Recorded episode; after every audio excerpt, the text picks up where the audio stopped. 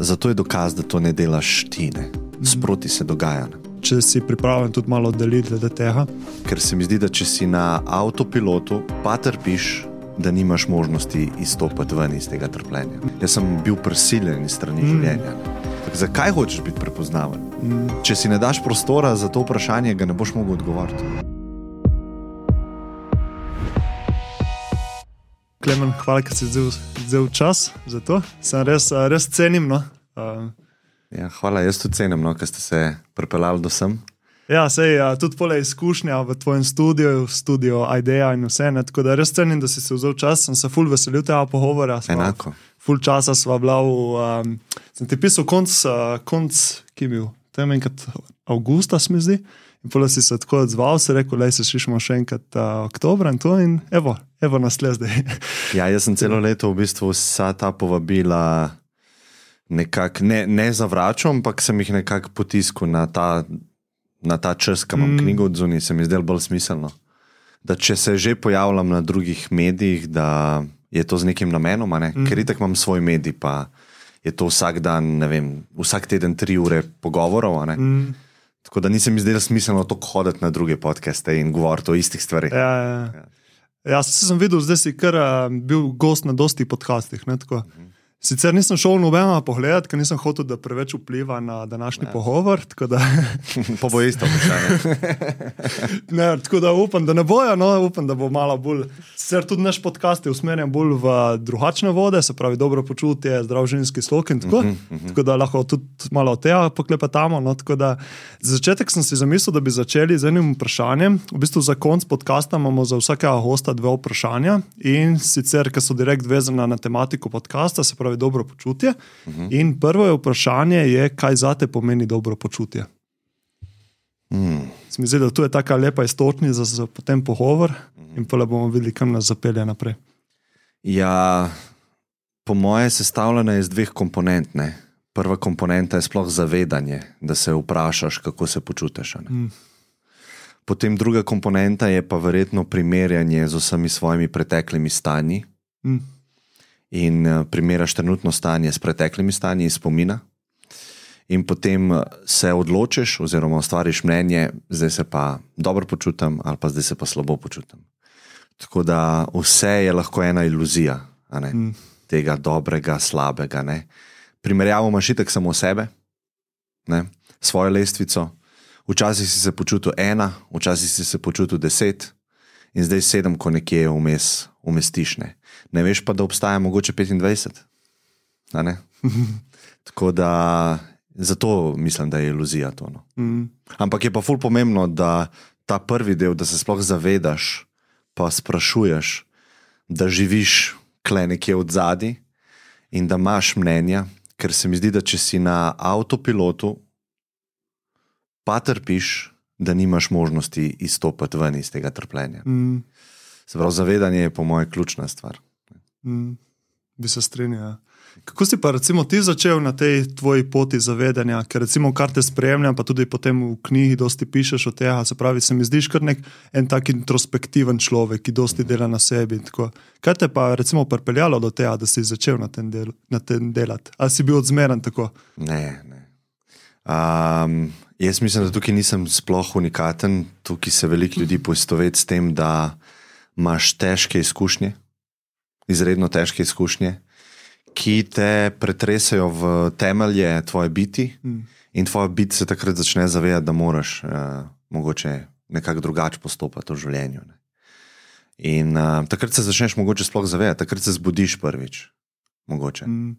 Tako da, ja, težke izkušnje so bile, mogoče ena specifična, kjer sem živel tako zelo dobro življenje, zelo tako na vzunaj, bi lahko en rekel, uspešno življenje.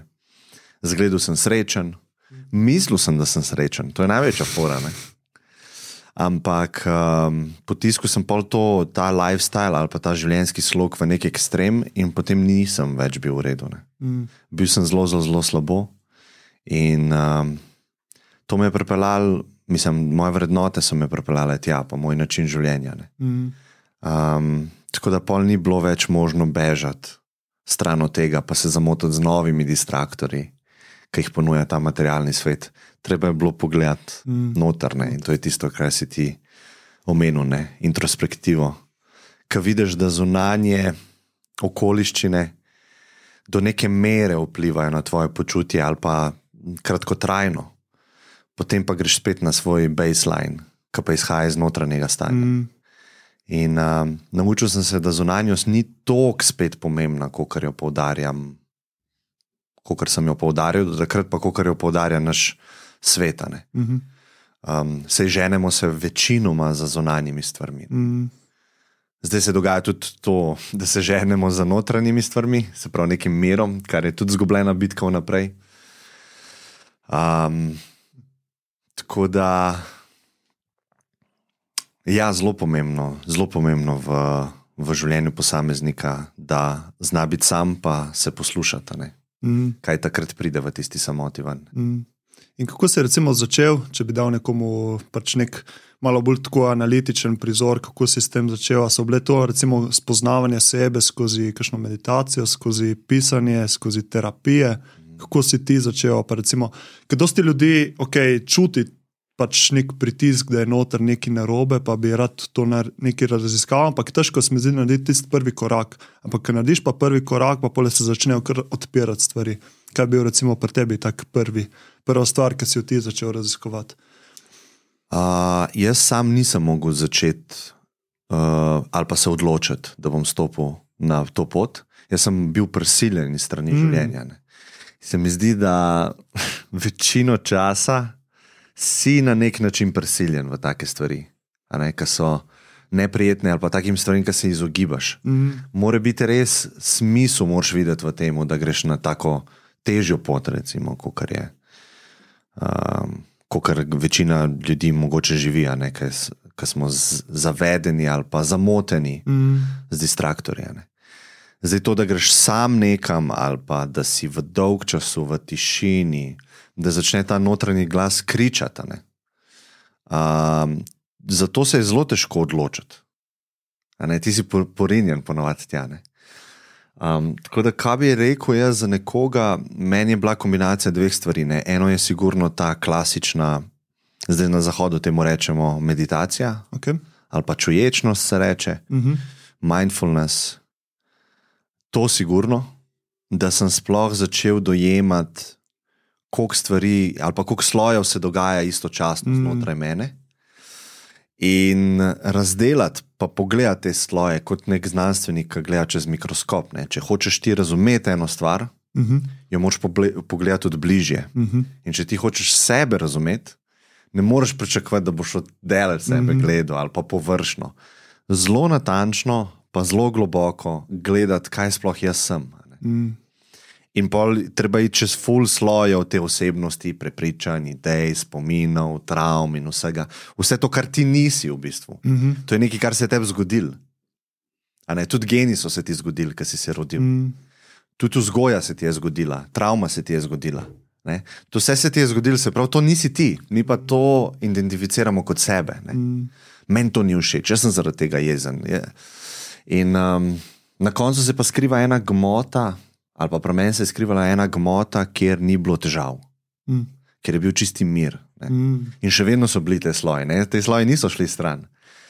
Mi mogoče velikrat narobe razumemo to, da se rešimo teh uh, slojev, da jih ne bo več. Ne? Ampak ti si sam pomerjen s temi sloji. Mm. Samo to je razlika. Ne? Mm. Nekaj eni pa, prav, pa pravijo, da recimo delo na sebi in nikoli ne zmanjka dela na sebi. Se pravi, ko ti rešiš en sloj, prijav še en, pa prijav še en, pa prijav še en. To pa je zanimivo, da recimo, okay, ki si omenil, zdaj jih razrešiš, ampak so še vedno tam. Ne, jaz sem jih rekel, da jih ne razrešiš. A, okay. A, mislim, ja, okay. ja, ja. Ti si pomerjen z njimi, oni so še vedno tam, mm -hmm. ampak je to proces, ki se vsako sekundo dogaja. Mm. Ti ne boš dokončno razrešil teh stvari. Mm. Ti moraš vsako sekundo zavestjo pogledati z enim korakom nazaj mm. na te stvari, ali pa mm. se ne identificirati. Ne. Zato jaz tudi mislim, da ko kar jaz razsvetljenje dojemam, dojemam ne mm. da sem ga dojel, je, da ni to trajno stanje. Ne. To je eno stanje, ki se konstantno mora vzpostavljati. Podobno kot dobro počutje. Ne. Dobro počutje ali je, ni. Ne. Pač prihajaš zmeraj do njega, zmeraj nazaj. Z navadami. Ja, z navadami, verjetno. Nisi rešil problema slabega počutja. Mm, Ne? Ti ga konstantno rešuješ. Ne? mm, Tako da iz tega vidika bi jaz tudi gledal na te sloje, da vedno bodo tu, mm, nikoli se jih ne bom znebil, in niti ni point, da se jih znebim, to bi bil konflikt, mm, to bi bil nov sloj. Ampak uh, mir s tem, kar si, pa kar se dogaja, jaz mislim, da je dober uh, korak no. Mm. v, v, v smer proti miru. No. Pravi ste rekel, meditacija, čuječnost, tudi je nam bo pomagalo. Kaj še recimo en tak, kakšen tak orodje, ki ti dob, ful pomaga, ali pa na začetku, ki ti je, pa recimo zdaj ti še vedno za neki odkrivanje sebe in tako. Ja, mislim, to so bili v mojem primeru, um, pa tega nikoli ne, gov, ne govorim z lahkoto o tem, pa ne priporočam tega. Mm, ampak ja, uh, mm, psihedelične droge. Ne. Mm, Um, spet ni to rešitev, pa ni to bližnica, ampak uvidi, ki sem jih jaz dubil v teh stanjih, ne predstavljam si, kako bi jih dubil v tem običajnem stanju, ko mm. sem Mm. zlit z egom. ne. Uh, tako da iz tega vidika so bili koristni izre, izredno za me, um, pa vedno bom imel tako mnenje. Tudi če spremenim mnenje, pa rečem, za me več niso v redu, ker mi Mhm. škodujejo, nikoli ne bom mogel spremeniti tega, da takrat so bili izredno koristni za me. Sem pa odprt do tega, da uh, imajo lahko škodljive posledice ne, Mhm. za počutje uh, posameznika, in um, je tak dvorezen meč. No. ja. Zato si tudi v, knjigi omenil, glede psihedelikov, ne, da je ful pomemben ta. Čeprav nisi v teh uh, besedah prav izrekel, ampak da ta set in setting, se pravi, kako vzameš, pa kje vzameš, pa tudi v kakšen namen, verjetno. Zdaj, če vzameš ti nek psihedelik, ne, nekem rave partijo, mm. a pa da vzameš, recimo, ne vem, s prijatelji, ki ste bolj sproščeni in tako, sigurno v vsakem primeru bojo drugačno delovali. Ne. Ja, absolutno. Sej, uh, ena primerjava, ne vem, če sem jo zapisal v knjigi, je operacija kolena. Uh Mhm. -huh. A jaz sem, ja. Um, zdaj, operacija kol kolena je tvegana stvar. ne. Mm. Lahko pride do okužbe, lahko pride do zapletov pri narkozi, marsikaj se lahko zgodi pri operaciji kolena, ampak še vedno jih izvajamo. Ampak izvajamo jih na način, da jih izvajamo v sterilnem okolju, zraven je profesionalc, vemo, kaj je namen. Mhm. Ne? In eh, na tak način bi mogel aplicirati tudi ta zdravila. ne. Mhm. Um, se pravi, to, ni, to je treba zelo resno vzeti, ne? kot neko operacijo uma. Ne? Tako, ker resno vzamemo operacijo Mm. mm. kolena. In operacijo kolena ne delaš na rave partiju. ne. Mislim, Ja. to bi bilo zelo nespametno, neumno in hitro gre lahko v škodljive sfere. Ne? Mm. Zdaj pa, če poskrbimo za vse, pa imamo neko podporo, ne? Neko podporo med tem, kar se ta psihološka operacija izvaja, in izvajaš jo ti na sebi, ne? ti si kirurg in pacijent uh, hkrati. Zraven pa je treba imeti podporo, ne? nekoga, ki ta fizični prostor drži, če je to potrebno. Ne? In uh, da imaš tudi tako okolje, ki je namenjeno temu, da se bo marsikaj lahko dogajalo v teh stanjih, marsikaj. Ne? Mm. In na partiju to ni dobra okolica ne, za ta stanja. Ne. Ponavadi. Mm. Eni izredno uživajo, pa mi tudi hodimo na partije, pa vidim ljudi tam, ki marsikaj um, uporabljajo za spreminjanje zavesti, ampak je bolj tvegana Mm. uh, sfera. No. In eh, jaz bi si ful želel, da kot družba, sploh zdaj, ki toliko na popularnosti pridobivajo, da damo neko spoštovanje tem procesom. Spoštovanje tudi z vidika tega, ne da jih prepovemo, Mm. ker to je nespoštovanje, ne razumemo možnih pozitivnih potencialov, ki jih imajo, ne? pa tudi nespoštovanje z tega vidika, da jih kar vse povprek, pa brez neke priprave, pa dobrega namena, kot si rekel, konzumiramo. Tako da neke, neka srednja varianta, Mm. jaz mislim, da bi za človeško družbo in bo ful prenesla dobrega. Ne? Ja, se, se odpirajo te stvari počasi. Ne? V Ameriki zmeraj bolj se legalizira in psilocybin, pa MDMA in to. Uh -huh. Ampak pri nas je vse, se mi zdi, z leti poča- zamika. Ampak se mi zdi, počasi se tudi širi ta zavest o tem, pa ti govoriš dosti o tega, pa imaš tudi podaj v knjigi, pa se kar se mi zdi širi tudi med mladimi. Ampak je predvsem, se mi zdi, ko si omenil, težko je nekje dobiti nek zdrav odnos do tega, ne preveč, ampak hkrati spoštovati. Ne. Jaz sploh In- to, kar si rekel za mlade. Ne? Mm, Uh, to je ful problematično. Jaz sem recimo prvi psihedelik probo pri 27, se mi zdi. In jaz mislim, da pred 25 ni pametno to uporabljati. Um, zakaj rečem 25? Zato, ker vemo, da se takrat, do takrat še možgani niso v popolnosti razvili. mhm, In tukaj je toliko neznank, kaj se dogaja, če ti pri 18 um, spremeniš svojo zavest tako drastično. Ne? Tako da to bi jaz rekel, in imam ful anegdot mladih, ki so me kontaktirali.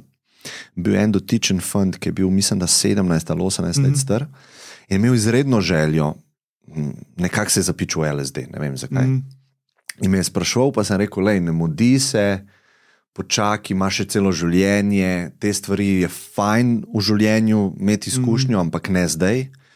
Ampak ga nekako nisem mogel prepričati in sem videl, mm. da nimam dostopa do njegove te odločitve. On se je že odločil, mm. da bo to čim prej Hotel je samo potrditev tvoje. Ne, da, verjetno. Ja. verjetno ne. Ja. In kaj se je zgodilo? On je bil na, nekem, na neki zabavi, vzel je LSD. Mm, In imel izredno težko izkušnjo, izredno težko izkušnjo. In čez dva dni me je kontaktiral in me je prosil, če lahko pride sem. In je prišel sem in je bil res v slabem stanju, res v slabem stanju psihološko, ni vedel, kaj je realno. Mal mu je ta membrana uh, med podzavestjo in zavestjo še vedno bila odprta. ne. In je rekel mi prav tako, pa sem pa jaz svoje težke izkušnje povedal, pa mu je malo pomagala. Mm -hmm. Je videl, da ni sam v tem, mm, da ni to, kar se je zgodilo, bilo unikatno za njega, ampak njegov ego ga je tja pripeljal in se je bilo treba s tem soočati. In ker sem mu povedal svoje izkušnje, je mu bilo malo lažje takoj. Pa pa me je pogledal in to nam nikoli pozabil in je rekel: Klemen, zdaj razumem, ti si meni hotel upozoriti glede tega, mm, glede točno tega, kar se je meni zgodilo, ampak jaz zdaj vidim, da moj ego ni imel dostopa. Ne. In on se je zavedel za nazaj, da sem jaz njega hotel tako na mehko stran od tega. Ne. In vedel pa je, da je mogel imeti to izkušnjo. mm, Ne bi se mogel drugače on takrat odločiti, ker je imel pač toliko radovednosti, toliko želje, da jaz nisem imel dostopa do njega. mm, In uh, to mi je bila ful zanimiva situacija, in ni nič narobe, da je on šel v to izkušnjo, očitno je rabu, ampak vsem mladim jaz vedno ni treba se v to zaganjati. Ne. mm. Res ne, res ni potrebe potem. Če kje je bila pa substanca, ki si jo ti prvič proval, pač za Gobe. prvi gobe.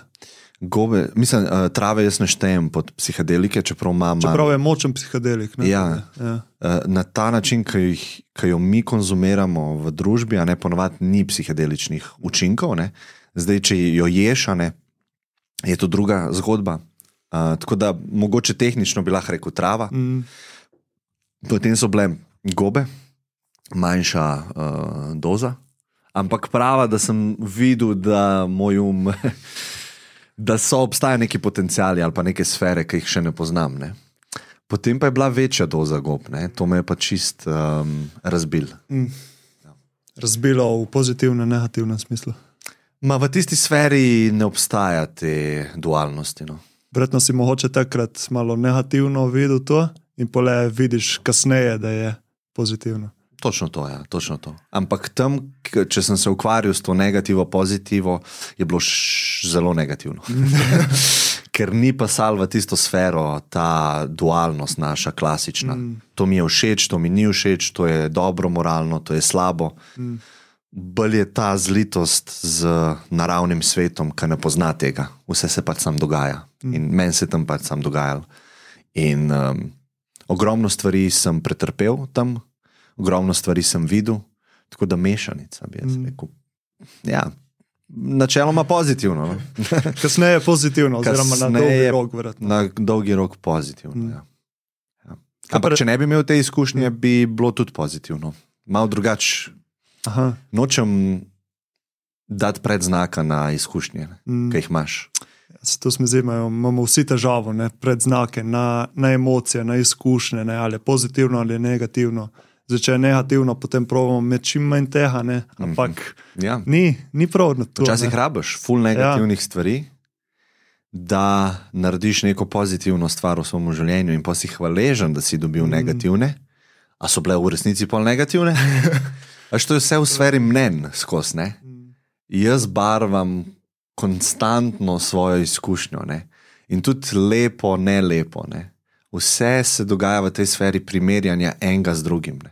Mm. In to je čisto isto, kot prvo vprašanje, ki si me vprašal za dobro počutje. Ja. Ja. Pač primerjanje je. Ne? Vse sam je, ni, ni tako važno, to se mi zdi. Mm. Ja, samo priješ, priješ do tega stanja, pa rabiš kar nekaj dela narediti. Ne? Da priješ do tega stanja zavedanja, da je vse, vse v redu, vse eno, ne? in da ne toliko v svoji glavi. Um, živiš v svoji glavi, v neki iluziji, tako bi moglo biti, pa ni tako. Pa... Ja, ko- vsakodnevni um, je to, nočem reči trud, ampak zavedanje, vsakodnevno zavedanje tega, kar mm. si ti zdaj rekel. Ne, da, um, včasih mi kaj ni všeč, pa zdaj sem recimo malo v stresnem obdobju. Ampak kokrat na dan imam, lahko jaz vklopim to svoje zavedanje od zadaj in rečem, to je sam nek tobogan. Mm. A veš, ki ga jaz ne morem kontrolirati. Moje življenje se mi sam dogaja pred očmi. Največ, kar lahko človek naredi, je, da ta, to izkušnjo samo vidi, pa gleda, pa opazuje. Mm. To je največ. Predaja. Ja, Prav, samo opazovanje tega. Ne.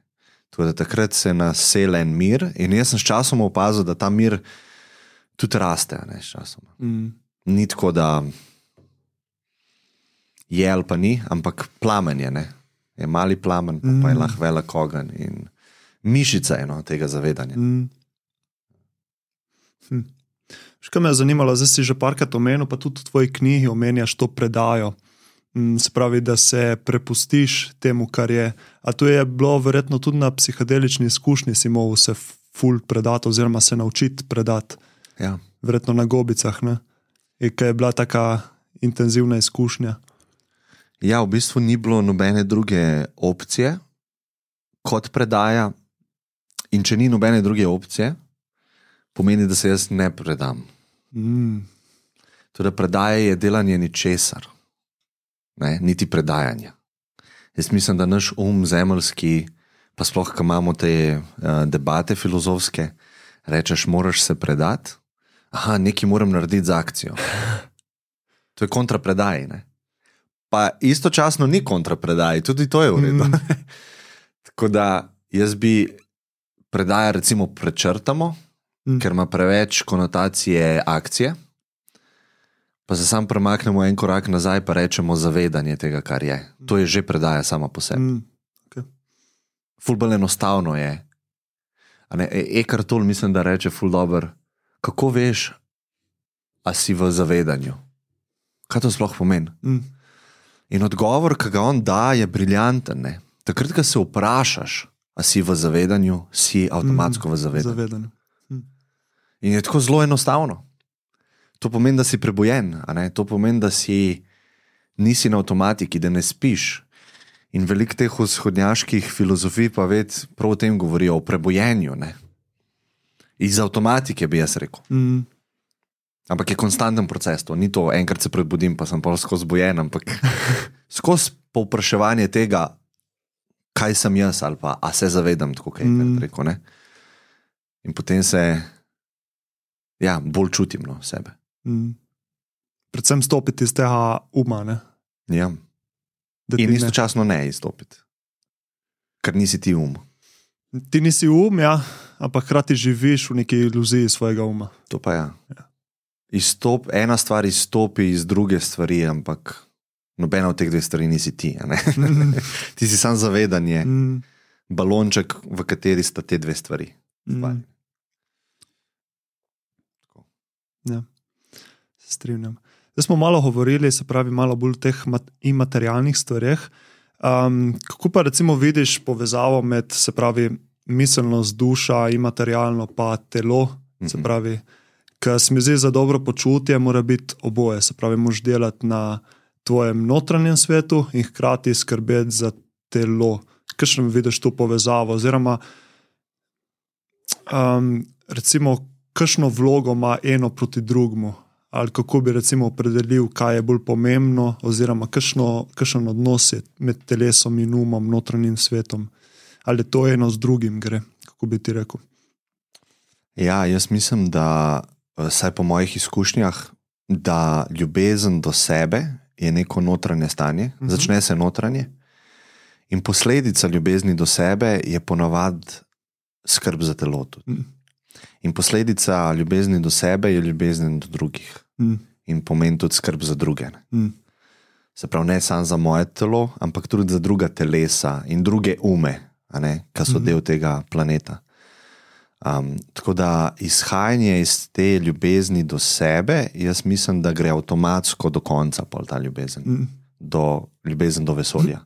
In tam je vključeno vmes tvoje telo. Mm. Da se mi zdi, da je en mali delček. Eh, se pravi, dobre akcije. Ne?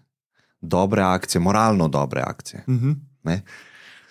To se mi zdi, da se avtomatsko zgodi, da ni treba mm. spet teh akcij delati ali pa biti ta človek. Ne? Ti, če to si, si avtomatsko dober človek. Ne, mm. ne rabiš ti delati dobrih akcij. Ne? Mm, tu pa je zanimivo slišati različna mnenja, zaradi tega, ker jaz pa izhajam predvsem iz športa, pa zanima me prehrana. To je prva stvar, ki sem začel raziskovati. Zmerno se poudarja pomen telesa. Ne? Se pravi, telo je osnova. Če telo ni, vse drugo se bo porušilo. Ne? Ampak recimo ti imaš že malo drugačen pogled, ker je telo samo eno izmed številnih drugih stvari, pa bolj poudarja smizite odnose oziroma celostne stvari, se pravi, ko bi rekel, pač to družba oziroma povezanost med sabo. Tako da je zanimivo, ne? ker recimo dosti krat se poudarja, da telo mora biti zdravo, če se čiš. Ti, če se hočeš ti dobro počutiš, moraš biti telo zdravo, moraš jesti zdravo, moraš športati, moraš skrbeti za sebe. Ampak hkrati je to samo, samo delček. Se mi zdi. ti je zataknil, ne? Ja. Ti kar v izi se je. Ne, sej, na, na velikih ravneh se, se strinjam ne, s tabo. Absolutno. Če imaš ti porušen hormonski sistem ali pa se ne počutiš mm. dobro fizično, bo zelo težko imel ljubezen do drugih, ker mm. boš v pomankanju živel. Sprav boš iskal v zunanjem svetu stvari, ki ti bo izboljšale stanje. Mm. In to je delovanje ne iz ljubezni, ampak iz pomankanja. Ne. Tako da v bistvu se strinjam, ampak upra vprašali, če bi se vprašali, kaj je res prvotno. Ne? Kaj je res mm. prvotno? Mm. Ker doskrat vidiš ljudi, ki ful skrbijo za svoje telo, ampak cilj ali pa namen tega je, da dobro izgledajo, mm. da lahko več naredijo v službi. Se pravi, imajo večji fokus, bolj so produktivni in podobno, ali da imajo v družbi večji status posledično. Ne? In vse to je delanje zase. Zase, ja, točno to. In, in ekstrem delanja zase, ne? na dolgi rok, boš na sedemki, ne pa na 25, mm. kar smo prej opredelili. Zato jaz mislim, da ta bolj celostni pristop, ne, da, da izhaja iz ljubezni do sebe, pa do drugih, pa iz tega izhajajo akcije je bolj zdrav, kot pa jaz bom zdaj treniral, da bom dobro zgledal, da bom dobil punce. To je vse, jaz, jaz, jaz, jaz, jaz, jaz, jaz. jaz hočem biti zdrav, jaz, jaz, jaz. Tako da lahko pademo v to luknjo noter ne, tega, mm. svojega ega, pa sebe. Mm. Spravi ti, vem, da tudi treniraš, pa savne, pa fasting in to. Se pravi, kaj je glavna motivacija za tem? Mislim, motivacija, če lahko temu tako rečem. Se pravi, ljubezen do sebe mm. in hkrati nek cilj oziroma neka motivacija dela dobro za svet. Se pravi, če boš ti v redu, boš tudi delal boljš za svet in tudi je potem motivacija. Ja, Pravim razumeti malo dr na drugačen pogled. No, ja, uh, zdaj recimo meditacija, da dosti ljudi začne se s tem ukvarjati zaradi sebe. Uh. -huh. Se je tudi začela s tako, uh mhm. -huh. kako bom jaz boljš. To je v bistvu prvo vprašanje. Mhm. -huh. Kako bom jaz boljš in pa iščem stvari, ki me bojo pripeljale do tega. Uh -huh. In uh, s tem začeti, jaz mislim, da ni nič narobe. Um, sploh zahodni svet rabi mogoče malo to. Kaj je tukaj za me? Kaj so benefiti za me? Zakaj bi delal eno stvar?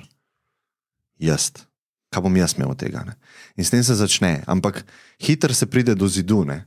Ker če se ti usedeš k meditaciji, zato da boš ti bolj fokusiran, zato da boš ti nekaj imel od tega, boš hitro mentalno prišel do barijere, ki ti ne bo pustila naprej. Ne? Če pa se zavedaš, da vsakeč, ko se ti usedeš, ti svoj um umirjaš, ali pa si sposoben umirjati, biti bolj miren, bolj ljubezniv do sebe in do drugih, zaradi tega boš ti boljši človek. Pa to nisi ti neki dubu. Mm -mm. To bo cel svet bo, uh, neki dubu. Ne? Ko se kregaš z punco, ko se kregaš z mamo, ne? Ti boš boljš odreagiral v tistih situacijah, mm. manj boš prizadel sebe in druge. Mm. Če s tem duhom delaš te stvari, se mi zdi, da lahko veliko dlje prideš, ne? ali pa ne dobiš barijere strani ega, ne? zato ker veš, da je to najviše dobro. Se pravi, neko sedenje v tišini, ni nadzate tam. Mm. Ti pač to delaš zato, ker to pač delaš. Sej. Ampak veš, da v zadju se dogaja boljši svet zaradi tega. Ne? Pa ne, da boš ti zdaj dobil neko medaljo zaradi tega, ampak mm. pač je. Ne? Um, za tre trening bi pa rekel, če si ti produktiven posameznik, se pravi, delaš nek biznis, ki je moralno ok, Mm -hmm. boš bolj produktiven, ker boš bolj zdrav in to je spet bolj za svet. Ne? Mm -hmm. Tako da mm, lahko te stvari obrneš, tako mm -hmm. Mhm. da ni vedno vsaka stvar zate. Ampak nekaj tudi zate. Ja, Se, jaz merim, da je. ples med ego in duša, se pravi, duša hoče dobro za svet, hkrati ego pa hoče dobro za sebe. Ampak vsake toliko se mi zdi, da moraš tudi eno ego malo nahraniti, ne? da, da pač te držiš vedno malo gor, ampak hkrati pa ne sme biti prevelik, ker če ne poleti pa začne delati težave. ja, jaz se recimo ne bi strinjal. kako ne vem. Jaz bi tako rekel, ne, jaz tale projekt, ki ga delam tukaj v tej sobi. Um, recimo, če skozi delaš z nekim uh, duhom tega, da je za družbo to dober, Mhm. boš itak naknadno, kasneje, bo tvoj ego bil poplačan Mm. z drugimi stvarmi. Tako da to, kar, ko ti delaš dobro za druge, kadarkoli, je to avtomatsko dobro za te. Mhm. Samo kasneje je plačilo, Mhm. pa ne smeš ga pričakovati. Ampak se bo zgodilo plačilo. To jaz globoko verjamem. In to ne govorim sam jaz, to, to skoraj vse religije, pa filozofije človeške civilizacije so vedno govorile. Ne? Da pot v nebesa je, da drugega vidiš ali pa mu daješ to, kar bi želel, da te pa on daje. Ne? To zlato pravilo. Se pravi, delaj dobro za drugega in ti boš Mhm. na boljšem. Tako da jaz se ne bi strinjal s tem, mm. da moraš kadarkoli svoj ego v obziru vzeti, da delaš zdaj, zdaj pa moram ma, malo sebe pocrklati, ker to rabim. Mogoče, ampak ni treba, da je tako. Mm. Lahko vedno delaš za druge. Ne? In ti si plačan tisočkrat več. Ne? In v biznisu sem videl dokaz tega, in v, tam, v teh ustvarjalnih udejstvovanjih, Mm. in pri meditaciji, in pri tre- treniranju, predvsem. ne. Mm. Hm. Je za probat, no ne vem, nisem še čist prepričan v to milijon procentov. Ne, saj ti verjamem, Do konca življenja ja, bom ja. probaval, če je to res, če ta zakon drži. Ne. Se meni se mi zdi, da kar te spremlja od, um, od dlje, se pravi malo strani, vidi recimo tvoj uspe, uspeh z, pač, kako bi re- predelili to, kar počneš. Ni prav uspeh, uspeh, ampak hkrati se širi tvoja knjiga, se širi Ja. tvoj projekt in vidiš, da ne delaš to zaradi sebe, zaradi svojega egota. Mal, ja. zato- Ja, ja, ne. Ma, malo, sigurno, ne, mislim, ne moreš prav brez, ne. razen tisti razsvetljenci lahko delajo brez tega. Ampak hkrati zaradi tega, ker ne delaš z egotem, čutijo to ljudje, čutimo mi to, da je pač to dobro za človeštvo in se tudi zato se širijo stvari bolj, kot bi se, če ne. Pač težko je to raz, razložiti, ampak ta Ja. duhovnost je, mi zdi, če delaš s pravim namenom, se stvari kar poklopijo. Ja. To je res, ne. samo je pa ta debata taka, da uh, nima nobenega smisla. Ne? Ker če mi dva zdaj govoriva uh, o tem, uh, nekaj bom naredil za druge in pa bom poplačan, jaz delam že s tem v mislih, da bom dobil Ja. nagrado. Ne. Se strinjam. ja. Ta debata je tako, vse je, ti samo delaj dobro, Mm, verjamem, da ne boš živel slabše, slabega življenja. Mm. Dajmo pri tem opustiti. mm, Ne tako ful dobro življenje boš živel, ful boš imel keša, ful boš poplačan, ljudje te bojo cenili. To, to, to so vse stvari ega. ne. Mm. Ampak sam rečeš, verjetno, ali pa lahko verjameš, zaupaš v to, da slabega življenja ne boš živel. Mm. Boš pa živel ful zanimivo življenje, ker se boš odpovedoval stvarem, Mm. ki so na mizi, recimo nek cache je na mizi in se mu odpoveš. In je zanimiva igrica. ne. Tako. Sploh umakneš, umakneš nagrado. Ne? Pa sploh, zdi, v tem svetu je težko to živeti, zaradi tega, ker na vsakem koraku je ta instant gratification. Ne? In v vsakem koraku ti busta ego, ne? ali na to socialnih omrežjih, ali to prek serij in take stvari. In nis, smo se odvadili tega, da treba delati na dolgi rok, da dobiš ti potem nek Mm. zaslužek oziroma neko nagrado. Ja, vse je tako, ne, kot sem prej rekel. Nekaj bom naredil, samo če bom dobil mm. nekaj v zameno. Če se mi ne splača, ali šta splača, mm. um, potem tega ne bom naredil. Ne. Ampak je ful škoda, ker se večina koristnih ali pa najbolj izpopolnjujočih stvari skriva v tem, v akcijah, kjer se ti niso splačale. Na začetku se je zgle- izgledalo tako, mm. Zgledalo je, tole se mi ne bo splačalo, ampak bom vse naredil. tako da ja. Recimo finančno se ta projekt ni splačal. Ja. A veš, že na začetku sem bil tako, da to tok stane, pa na mesec dajem to keša, pa ne dobim nazaj. To se res ne splača finančno. Ne? Pa tudi Ampak- časovno, ne? pač vzame full podcast. Ne? Ja, če bi vse to dal skupaj, ja, je to ful velik minus finančno, ampak koliko se splača. Mm. A veš, to, to pa sploh ne moreš. Ne moreš, ne moreš vrednosti dati gor na to. To je neprecenljiva vrednost. Mm. Neprecenljiva. Ja, jaz uh, počasi dobavam ta občutek, se pravi, zdaj mi delamo to dobre pol leta. Pa ne zdaj, da smo pač neki velik podcast in tako, ampak ustvarjamo za mlade, predvsem na Gor- Goriškem, zaenkrat smo še na Goriškem in počasi se je začelo širiti. Ne, pole največji, naj, se mi zdi, največja nagrada tega je, ker ljudje pridejo do tebe in povejo, da je ful dobro, ne, ful dobra vsebina in potem vidiš, da se ti je splačalo. Ne. Ampak Ja. na začetku pa res. Sploh, ko smo pač delali, smo bili samo jaz, pa nik, pa smo jaz pa on vse delala, pa editing, pa uno, pa tretje, pa objavljanje in je full pač časa vzame. Ne? Ampak potem s časom pa vidiš, a, da se pa se Ja, splača. jaz sem opazil pri sebi, da se stopnjuje. Ne? Mm, Te nagrade, ki jih dobivaš nazaj, se stopnjujejo. In uh, verjetno, ne vem, bomo videli, ampak nima neke meje, neke limite, mm. kaj lahko ti občutiš neko zadoščenje ali pa izpopolnjenost um, pri ustvarjanju takih stvari. Ne. mm, Do zdaj se še ni ustavilo, ne. to se kar šira, ne. pa vsak dan mi v bistvu to pomaga na več različnih nivojih. Na psihološkem nivoju, sigurno. Na nivoju fizičnega, to, da se mi ena vrata odpirajo, Mm, ki se mi drugače ne bi, z vidika biznisa, financ, poznanstv, zanimivih ljudi. Ne. Tako težko je to vse uvrednoti. mm. Sem se hotel ustaviti še malo pri tem ustvarjalnem procesu in podcasta in knjige, nekaj tudi pišeš v knjigi in se mi zdel ful dober ta koncept. Se pravi, jaz moram narediti, kar tudi pišeš v knjigi, jaz moram narediti vse, kar je v moji Uh -huh. v moji sferi, se pravi, kaj jaz lahko, ostalo pa moram spet se prepustiti, nočem uporabiti te besede, ampak veš, kaj mislim. No, se pravi, neke muze oziroma neka inspiracija, da prije od mm, drugje, če bi se lahko še tle malo ustavil, malo razložil.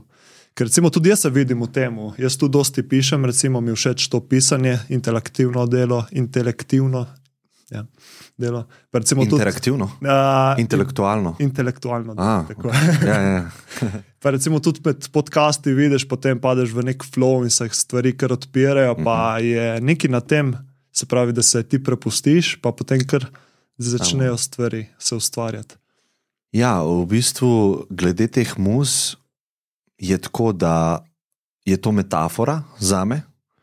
Ne, to je moj psihološki svet, kjer obstajajo neke energije ali pa neke neka bitja, ki imajo sposobnost podariti dobro idejo. Teb, ne. Se pravi, veš ali pa čutiš, da ne izhaja iz tebe, ker je ne moreš kontrolirati. Mhm. Ti kreativnosti nikoli ne moreš izsiliti. Kar lahko ti narediš, je, da se postaviš v ta proces, Mhm. se pravi, v primeru pisanja knjige, jaz sem se usedel, distraktor je dal stran, malo prej sem zmeditiral, zato da sem bil malo bolj odprt, Mhm. in potem sem se usedel in pisal. Mhm. In od tukaj naprej jaz nimam več kontrole. Ne? Kaj bo napisan, kako dobro bo napisan, jaz nimam kontrole. Ne? In vedno sem to čutil kot neka bitja, ki gledajo vse ljudi na svetu Uh -huh.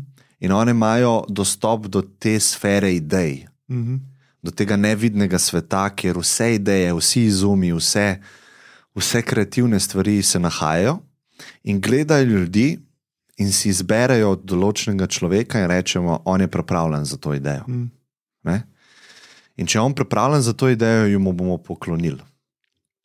Če pa ti nisi pripravljen, če si ti zaprt, če si ti hočeš izsiliti to, pa reče, on še ni pripravljen. Mm. Ne bomo mu dali te ideje. Ne? Tudi jaz sem to zelo čutil tako kot uh, dnevni proces, kjer moram jaz narediti nek ritual, Mm.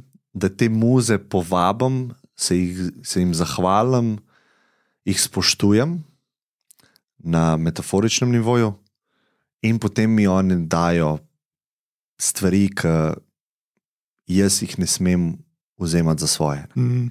Zato sem tudi rekel, da ta knjiga, če bo komu všeč, ne rabijo meni dajati zaslug. Mm. To zelo, zelo resno mislim. Jaz sem bil samo nek prevodnik med tem svetom, a ne da so te stvari lahko prišle, ali pa tudi podcast. Ne. Mm. Jaz um, ne vzemam si full zaslug, ki mi nekdo da pohvalo. Mm. Jaz kar rečem tako, hvala, iz spoštovanja rečem hvala, ampak vem, da ni na meni namenjena. Hvala je namenjena nekam, nekam drugam. Ne. In isto je za grajo. Ne, nekdo, ki me Mm. pograja, rečem, to ni namenjen meni. Ne. To je pač v nekem umestnem prostoru med nama. Ne, ne smem jaz osebno teh stvari vzeti, ustvarjalnih. Mm. Ne smem si zaslug za plus in minus vzemati. Ne. Jaz pa samo ustvarjam. ne. Mm. To, to, to je glede teh uh, kreativnih uh, muz. No. Tu se mi je zelo zanimivo. Recimo, jaz sem ta koncept spoznal, ne vem, če poznaš Stevena Presfielda. No, jaz sem recimo v njegovi kni, njegovih knjigah prvič spoznal to pač muze, ustvarjalni proces, Resistance. podport, Ja. ja, resistance. Mm. In mi je bilo zanimivo, recimo, ker sem tudi pole na svoji koži občutil, ne, se pravi, ker sem padel v tisti flow pisanja, ne, se mi je zdelo res, da je pač nekaj pisalo. Nisem jaz pisal, ampak je nekaj pisalo. In pole tudi on je razložil, pač, ker ti padeš v ta ustvarjalni proces, se ti neki stvari poklopijo in v bistvu prije kot nek download informacij iz zgornjega, višjega sveta. Ne. In se mi je zdelo ful, pač tako zanimivo, ne, ker v bistvu, ja. Kdo sem jaz, da bom to napisal? To je preveč dobro za mene. Ne? Ja, ker vnaprej, vnaprej nikoli nimaš cele, celega kreativnega dela. Mm. Mm, Kreativno delo je začetek, pa se pa konstantno spremenja. mm, Pa ne, vem, tudi kip, ki delaš, ne, ti sproti se dela. Ne.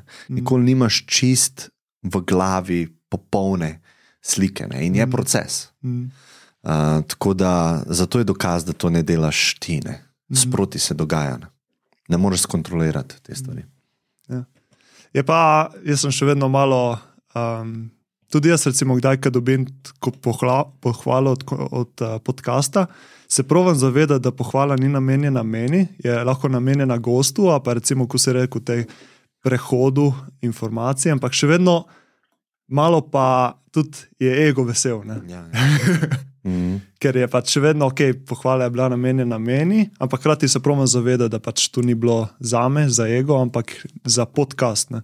In jaz tudi provam, recimo, ko si tudi ti, mislim, da si v svojih podcastih govoril, da je podcast v bistvu ni, ti si samo sprevodnik za podcast in je podcast neka svoja entiteta, ki bo živela in ti si samo tisti voditelj. Ne. ja, ja. ja. In, uh, Se v bistvu lahko, jaz, jaz kad ti nekdo da pohvalo, jaz jo sprejemam tudi z egom, mm, pa se zavedam, da okay, vsak ne bi bil sposoben tega delati. Ne. mm, A veš, ti mm. imaš podcastov vsak mesec, tri nove v Sloveniji, štiri, pet.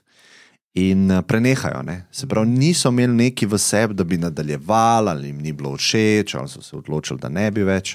Se nima veze, kaj je razlog, ampak ni vsak sposoben tega narediti. Mm, In to, da sem jaz sposoben to delati konsistentno, pa da sem neki sistem vzpostavil, klej lahko zasluge poberem. mm, Okay. Ampak za samo vsebino, za samo glavno stvar, kar, zakaj se ljudje ponovadi zahvaljujejo, se ne zahvaljujejo za konsistentnost.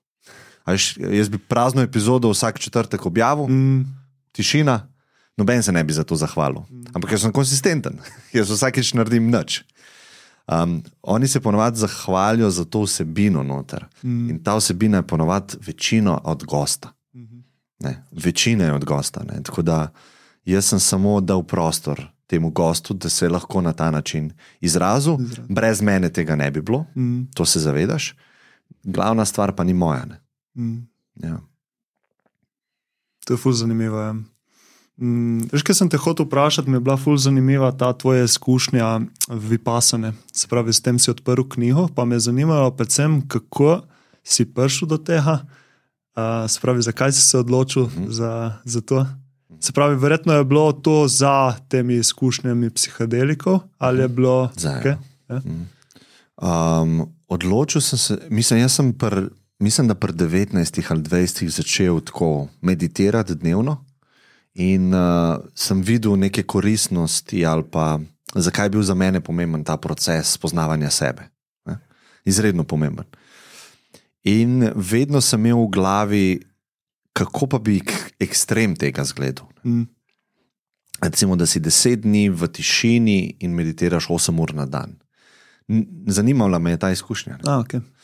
Uh, in bila je izredno boleča, fizično in psihično, in veliko sem se oseb naučil, veliko sem videl strahov svojih, veliko sem videl svojih pomankljivosti. Veliko stvari je prišlo na površje, mm. tudi negativnih, pa neprijetnih, o meni. Um, ampak se bolj zdaj poznam, kot sem se prej. Ne? Tako iz tega vidika je bilo pozitivno. Mm. Ampak nisem vsega tam mogel razdelati. Vidim, da imam še veliko teh stvari, a ne sploh tega strahu, strahu pred samoto, st- strah pred dolgčasom, mm. pred tem, da sem sam, da sem nihče. Mm. Se pravi, vsi vidiki, s čim se ego naslaja, če jih odmakneš stran, sem jaz v izredni bolečini. Mhm. Videl, v- videl sem, da sem vezan, moj ego je ve, na veliko stvari vezan. Tudi na svoje telo, na svoj status, na svoje frende, na svoje stvari, ki mi dajo obdobje vsak dan. Na te stvari sem full navezan in to bo treba v življenju enkrat spustiti, ker uh, vsak bo zgubil vse. Mm. Tako da to me še čaka in ni prijetna, uh, ni prijeten proces. No. Ja, verjamem. Ja, ja se, mislim, da vsak trpi za temi stvarmi, sploh zaradi tega, ker živimo v takem materialnem svetu, ki je full poudarek na moje, moje ego, ego, Ja, ego. moj avto. Ja. Ja. Ja. Jaz, ki sem videl eno skupino menihov v Aziji, ki so zjutraj šli na ta obhod, pa obred so imeli, in ko sem jih videl, ne, nekaj šestih je bilo, vsi so bili isti, pobriti, z ist, pobrito glavo, isto obleko, tisto oranžno. In videl sem, en, v enega sem se zapičil in sem videl, da on nima svoje osebnosti. Ne. Mm. In to je mene tako bolj pretreslo, kot kar smrt, kot kar razmišljanje o smrti. Da si nihče. Mm. A v bistvu je pa glih ta nihče popolna osvoboditev. Ne? Ker Buda v kitajskem jeziku pomeni tisti, ki nima imena, oziroma nihče. Aha. Ker on je tako prost, pa tako čist, a ne brez uh, osebnosti. Zato to v bistvu ni več človek. Ne? To je Buda, ne? prej bil Mhm. Siddharta. Ne? In um, vsi si želimo to, vsi si želimo to razsvetljenje, ampak to zraven nosi največjo možno bolečino, ki si jo lahko predstavljaš. ne. Da odvržeš Mm. vse, kar ti je pomembno. Vse, kar ti je pomembno, pika. In to je nepredstavljivo. Ne? Mm. Nepredstavljivo. Za mene. Ja, tudi pole, itak, verjetno, če češ rešiti te stvari, oziroma jih odvršiti, moš tudi dosti na teh vzorcih delati, ne? ker te stvari tako izhajajo iz nekih vzorcev, ki se že na začetku omenil. Vzorci niso ti, ampak hkrati so del tebe. Ne? Vzorce je pa zmeraj težko, oziroma boleče spremenjati. Mm.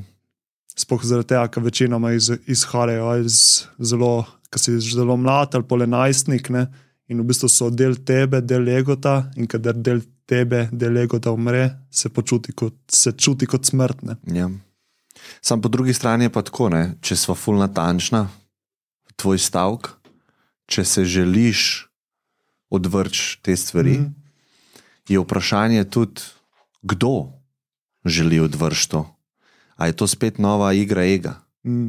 Jaz si želim neki, jaz, za mene bo to neki. Mm. In tukaj je tak cikel, ki ga intelektualno ali pa racionalno ali pa filozofsko mi dva ne morva Mhm. razpakirati, kaj pomeni razsvetljenje. Zato, ker želja po razsvetljenju te premika stran od razsvetljenja. Ne? Ne, ne. In ne želja po razsvetljenju te pomika stran. Ne?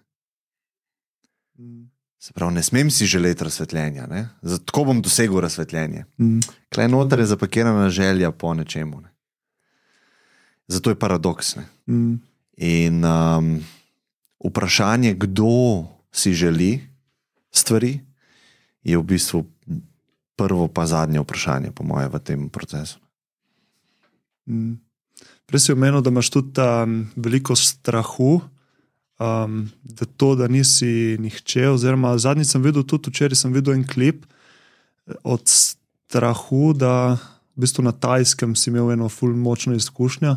Pa tu sem se kar poistovetil s tem, tega, ker jaz na določenih aspektih imam tudi en močen strah, ki mi je ostal od neke močne izkušnje. Pa če si pripravljen tudi malo deliti glede tega, Mhm. sigurno se bo kdo poistovetil. No. Verjetno misliš ta strah glede norosti. Tako. Ja, ja um, recimo jaz, moj ego, si želi kontrolirati stvari ne, Mm. v svojem življenju. Sej, tukaj nisem edin, to veliko ljudi ima radi, radi imamo kontrolo. Kontrola, ja. Zdaj pa na, nek, na neki ravni se zavedamo, da ne moramo kontrolirati zunanjosti popolnoma. mm. A Ne, se pravi, nekdo bo nekaj rekel, kar nas bo užalilo, nisem mogel kontrolirati, on je pač to rekel. Zdaj pa svoj um, pa pomonavadi mislimo, da imamo popolno kontrolo nad tem. Mm. Jaz lahko zdaj mislim ene stvari, ali pa ne mislim ene stvari, ali pa se odločim, in moj notranji svet je v moji kontroli. Ne? Mm. In to je iluzija. Ne? Iluzija je, ker tako kot ta ustvarjalni proces, pa muze, so tudi misli izhajajo iz enega sveta, ki ni, ki ni moj, ali pa ki se jaz ne morem odločiti za njih. Ne? Ampak to gre lahko tako narazen, tako velik konflikt se lahko vzpostavi med mano in mojimi mislimi, da nimam več kontrole nad mm. tem. Ne? In nimam več kontrole nad sabo, in to je polno rost. Ne? In tega me je najbolj Mm. najbolj strah, ne? da ne bom imel kontrole nad svojo zavestjo. Ne? Mm. Tako da to je ta strah, ki sem ga občutil tam na Tajskem, ker vedno sem tako nekako živel v tem materialnem prepričanju, da jaz lahko s močjo svojih misli, pa svoje volje premagam neke izzive življenja in podobno. In potem, ko mi je pa notranji svet začel biti uh, težaven ali pa ne več moj prijatelj, se nisem več mogel na, na nič opreti. Mm. Jaz nisem več vedel, kaj je realnost, kaj ni realnost. In um, izredno neprijetno mi je to bilo. No. Mm. Zato je to moj en največjih strahov. Ko bo to treba presežeti, bo verjetno ful bolečen. A vidiš mogoče kakšen vzorc, ki se zdaj, kako se ti ponavlja ta strah, tudi zdaj, recimo, day to day life. Verjetno ne pogosto, ampak verjetno se ti vrača ta potem strah, ker je bila takrat ta izkušnja tako traumatična, verjetno je pole ostal ta strah kot posledica tega. Ne, Ali... zdaj zadnja leta se nekako čutim notranje zelo um, povezan med vsemi temi različnimi deli, ker čutim, da so mal prijatelji ali pa vedno bolj postajajo prijatelji mm. med sabo. Odpuščajo si drug drugemu, vsi deli mene, um, skrbijo drug za drugega. Takrat pa ni bilo tako. ne. Takrat je en del mene postal uh, terorist ali pa tako. Neko sovraštvo gojijo do drugih delov mm. Mm. in postaneš samo destruktiven. Mm. Zdaj, zadnja leta pa imam občutek, a ne, to se lahko spremeni čez noč, z močno izkušnjo, ne, tega se ful zavedam. Ampak občutek imam, da je vedno manj konfliktov znotraj mene, da Mm.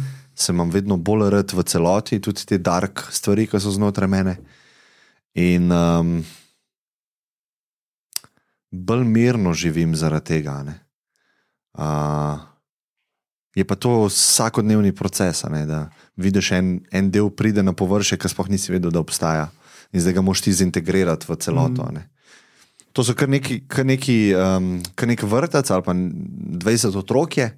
oni se igrajo, pride nov otrok, ima razbojnik, a ne, in zdaj ga moraš integrirati v to skupino. Tako, tako čutim svojo psiho. A ne, Da nisem ena stvar, ne. tako kot imamo mi večino časa občutek. Jaz sem ena stvar. Mm. Jaz sem- To vemo že, ker možgane prereže na polne. To je, to je en zelo znan eksperiment, ki so delali na epileptičnih bolnikih. Ne. Um, zato, da se ni epileps, epileptični napad prevesil na drugo stran mm. telesa, so prekinili povezavo med uh, poloblama in so videli, da v bistvu zdaj dva ega obstajata, Mm. ki se med sabo nista po, povezana, kot dva človeka. Mm. En je bolj um, desno orientiran v smislu um, razmišljanja, ne? en je pa bolj racionalno, je pa leva mm. stran. Ne? In dajeta različne odgovore na isto vprašanje. Mm. In jaz mislim, da znotraj nas je nešteto delov, Mm. Ki se nekako z iluzijo združijo in imamo mi občutek enega. Mm. Zares pa mislim, da mi nismo ena stvar. Ne? Mm. Tako da dobro je, da so ti deli prijatelji med sabo. no. Strinjam. Hm, zanimivo. Um, ljubezen do sebe, to si že parkrat omenil, pa tudi v knjigi. Um, jaz sem ful tak praktičen človek, oziroma analitičen človek, pa me zanima, kaj recimo tebi pomaga hojiti to. Ker recimo dosti ljudi rečeš, tu je ljubezen do sebe, tako abstrakten pojem, hkrati pa pomislijo self-care, se pravi, da skrbiš zase, za svoje telo, Akcija. ampak ni, ni isto. Ne? Ja, ne, eno je akcija, eno je pa duha. Ne? Mm. Zdaj na duhu je treba tudi uh, meditirati.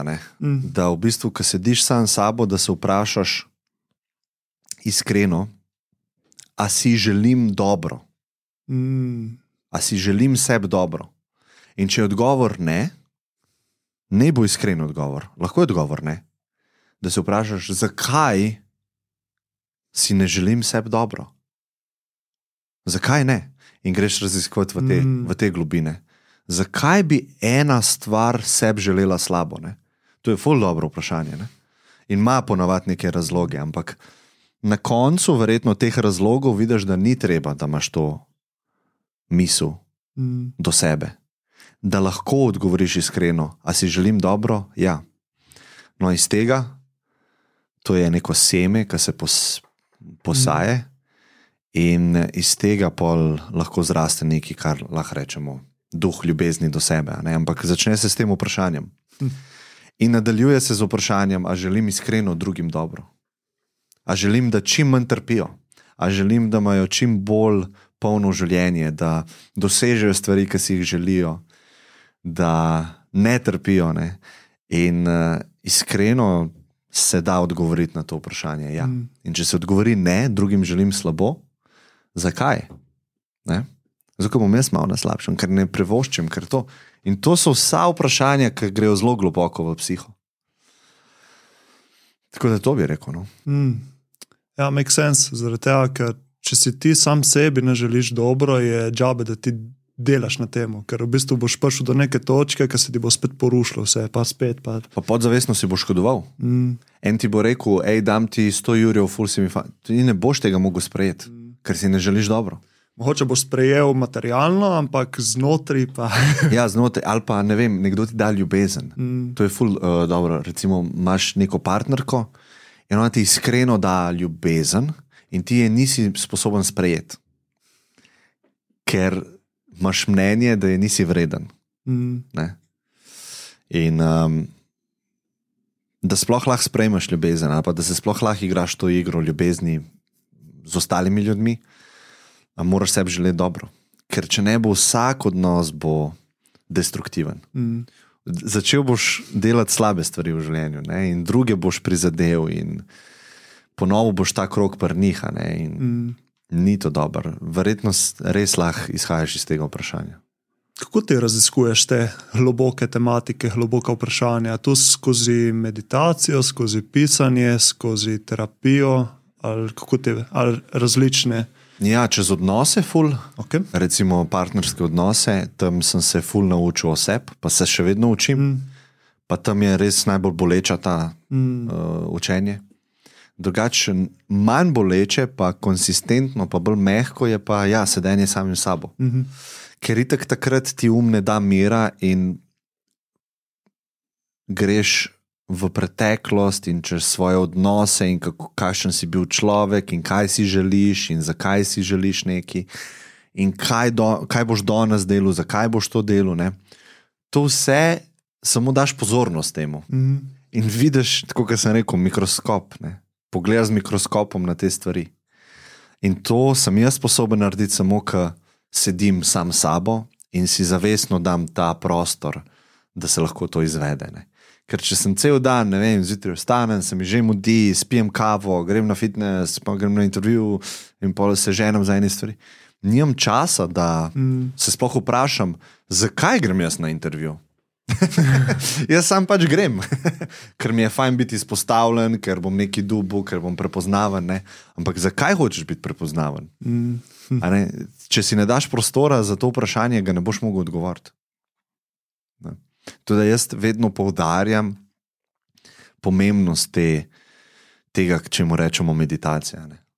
Kaj, je najbolj enostavna stvar, kar jo lahko človek dela. To pomeni, da se usedeš, lahko tudi stojiš, v bistvu lahko hodiš, ampak recimo, mm. se usedeš in opazuješ, kaj je.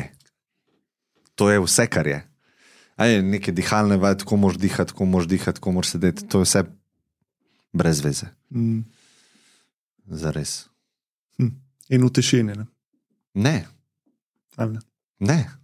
To je spet. Nekaj v knjigi tudi pišeš o tišini, zato sem hotel tle še ja. malo. Ne, sej um, tišina ima svoje prednosti, ker takrat je močnejši ta notranji glas, ki ga mm -hmm. lahko poslušaš. Ampak doskrat ljudje, reč, ljudje rečejo, hotel sem zdaj meditirati, ampak gradbišče je zraven in ne morem zdaj meditirati. Ne, ne, ne, ne. ne. Ti opazuješ, kaj je, zakaj te gradbišče moti, zakaj te en zvok moti. Zakaj ti misliš, da ne moreš gledati, kaj je, če je zvok zraven? Mm. To je nesmisel ti moraš samo gledati, kaj je. Pač lahko je karkoli. In um, tako bi jaz meditacijo, ali pa zdaj ne, zdaj jaz ne morem meditirati, če govorim, če imam mm. intervju. Zakaj ne? Ti lahko še vedno opazuješ, kaj je. Jaz lahko opazujem, zdaj, kaj iz mojih ust prahaja mm. in vidim, da nimam čist kontrole, da se to sam izvaja samo od sebe. In lahko bi rekel, da meditiram. Tako da um, tišina pa pač, ja, se, se si bi se strinjal s tabo, da ima neke svoje vrednosti. Ne? Odstraniš pač vsebino, mm. da vidiš, kakšna vsebina ostane v tišini. Mm. Dosti krat je boleče, ne sploh zaradi tega, ker toliko časa ignoriraš to tišino, mm -hmm. in poleg tega se umiriš, poleg pa prije vse ven. Pa. Ja, ja, verjetno. Zato pa pol bežiš nazaj v netišino, mm. ker ti je tisto neprijetno. Ne? Mm. Ampak obstaja full velika vrednost tega, da vseeno ostaneš, tudi če je neprijetno vseeno staneš in sebe spoznaš. Mm. Samo čez tisti odpor, mošiti, spet smo pri tem rezistenci. Za lepe stvari, mahične stvari, se mi zdi, da moraš na začetku res stisniti, iti skozi ta odpor, iti skozi ego in pole se oprejo stvari. Ne. Sigurno, jaz sem se v savni, recimo, ful takih stvari naučil, Aha. zato ker tam jaz meditiram in istočasno mi je neprijetno fizično. Mm. In uh, telo ti govori iz iz vsega predela, iz vsega atoma, hej, pejt ven. Mm. Pejt ven, pejt ven. Pa če glas ti govori, dovolj je bilo, vse je bilo dovolj. Ja, ja. Pejt ven, zdaj je res neprijetno. Pa začne glas, hej, nevarno je zdaj, ti už mogoče umrl. In če si sposoben to samo opaziti, pa reči, ne, v redu, nisem se še odločil, mm. da grem mm. ven, razumem, da to se zdaj dogaja, še mal bom bil tukaj. Mm. In tudi tam sem se ful naučil vse, temu, da ni treba takoj, da ni treba takoj skočiti, ko je nekaj neprijetno. Pa ledene kopele jih tako, ne vem, če prakticiraš. Isto, ja, ja, isto je. Ja. Jaz sem rekel, da bomo zdaj poleti, ki imamo blizu Sočo, da bom več hodil v Sočo in sem bil tam. Po zimi, misliš? Po zimi, ja, tako. Ja.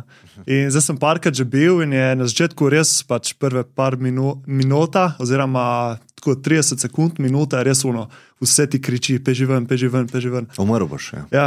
In poleg ko se umiriš, pa je tak deep, deep pis. Ja. In je. In pole res zastopaš, ki pravijo, da to ni za telo, ampak to je za um, ja. za mentalno trdnost. Ne. Absolutno. Ja. Absolutno. ful zanimivo.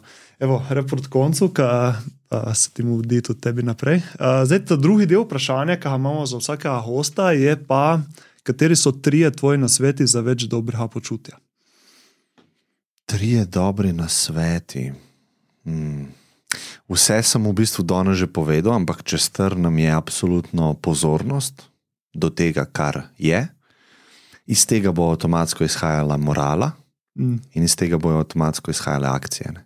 Mm. Tako da te tri, se pravi, pozornost, neka dobrohotnost, pa potem delovanje, lahko rečemo. Te tri, tri, tri stvari v tem zaporedju. Mhm.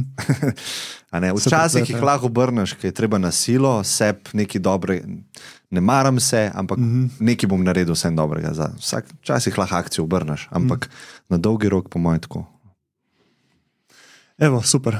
Um, Klemen, hvala ti še enkrat za čas, super Hvala izkušnja. Res sem res hvaležen, ker smo se zmenili. Tako. Enako. tako da res super izkušnja. Tudi, recimo, ko se usedeš z nekom, mm. uh, ki spremljaš toliko časa, res vidiš. Recimo, danes sem začutil vse to, kar pišeš, govoriš, ne, Ja. sem začutil danes, ko sta pogovor. Ej, hvala, cenim to. Ja, No. Tako da, meni je bilo tudi veselje. Ja. Tako da upam, da je bilo tudi uh, ljudem všeč, da so se naučili kaj novega. Zdaj lahko deliš tudi malo od uh, tvoje knjige, se pravi Ideja, uh, ki je lahko Ja.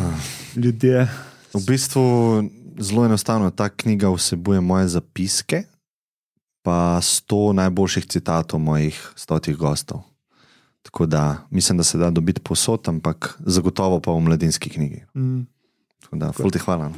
Jaz sem v procesu branja, sem ful počasen bralec, tako da nisem še prišel do konca, ampak uh, sem pa dosti reči se naučil in uh, povzel oziroma obnovil. Tako da je res zelo dobra knjiga, mislim, da bo ljudem všeč. da- E, vsem ne, ampak ja, cenim, hvala ti. Tisti, ki si, ko si napisal knjigo, pač tisti, ki so pripravljeni na knjigo, jim bo ful všeč. No. Ja, ej, hvala ti. No. Tako. Hvala tebi še enkrat za, za čas in za pogovor. In, uh, hvala vsem za poslušanje in se vidimo naslednjič. Čau, čau. Čau. Ok, top.